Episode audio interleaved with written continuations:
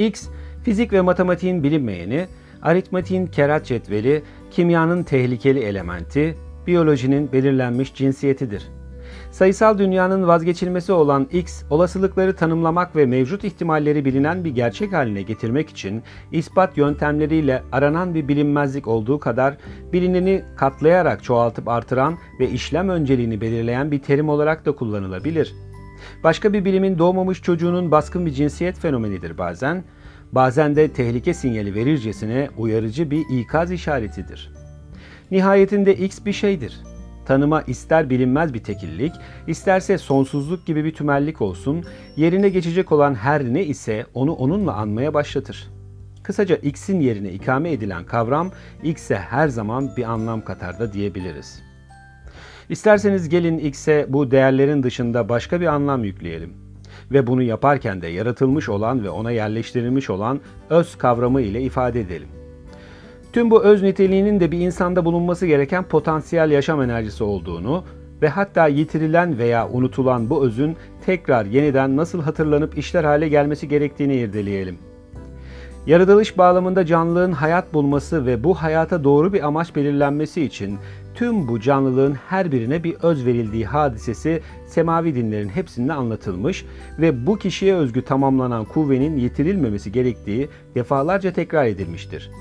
Zira tüm bu durumlarda anlatılmak istenen verilmiş olanın kaybedilmesiyle emanetin hıyanete uğraması söz konusudur.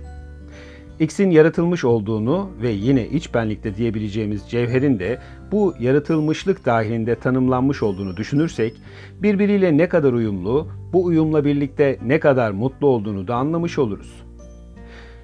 X kendini mutlu ve huzurlu bulduğu ve kendini tam olarak gerçekleştirdiği bir mekanda onu kışkırtan ve merak duygusunu normalden fazlaca artıran nesnelleştirilmiş bir gururla karşılaştığında çekimin cazibesine kapılarak kendi özüne ters düşen ve öznelmiş gibi rol yapan sahte aktörlere kapılabilir. Sonucunda potansiyelinin güç kontrolünü ve öz hakimiyetini kaybeden X, yine mevcut asıl benliğini korumak için çeşitli mekanizmalara ihtiyaç duyar. Ve hatta kendi irade kuvvetiyle tüm bu mekanizmaları yine kendisi kurar. Böylece herhangi bir kötümser tutumla karşılaşılması durumunda setler oluşturulmuş, duvarlar örülmüş ve ikincil kazançlar veya öncelikli koruma bahaneleri oluşturulmuş olur. X'in zafer kazanması gibi görünen bu durum ya da durumlar gerçekte X'in kaybetmesi ve öz denilen iç benliği daha da içerilere bastırarak hatırlanmaz ve unutulmaz bir maziye dönüşmesine sebep olur. Burada X diye bahsedilen ve cennetten düşme nedeniyle bilinen koparılan elma metaforuyla kastedilen kendi özüyle irtibatını kaybeden Adem'den başkası değildir. Gerçekte ilk yaratılmış kişi olduğuna inandığımız Adem, insan olabilme kriterlerini bütünüyle üzerinde taşır.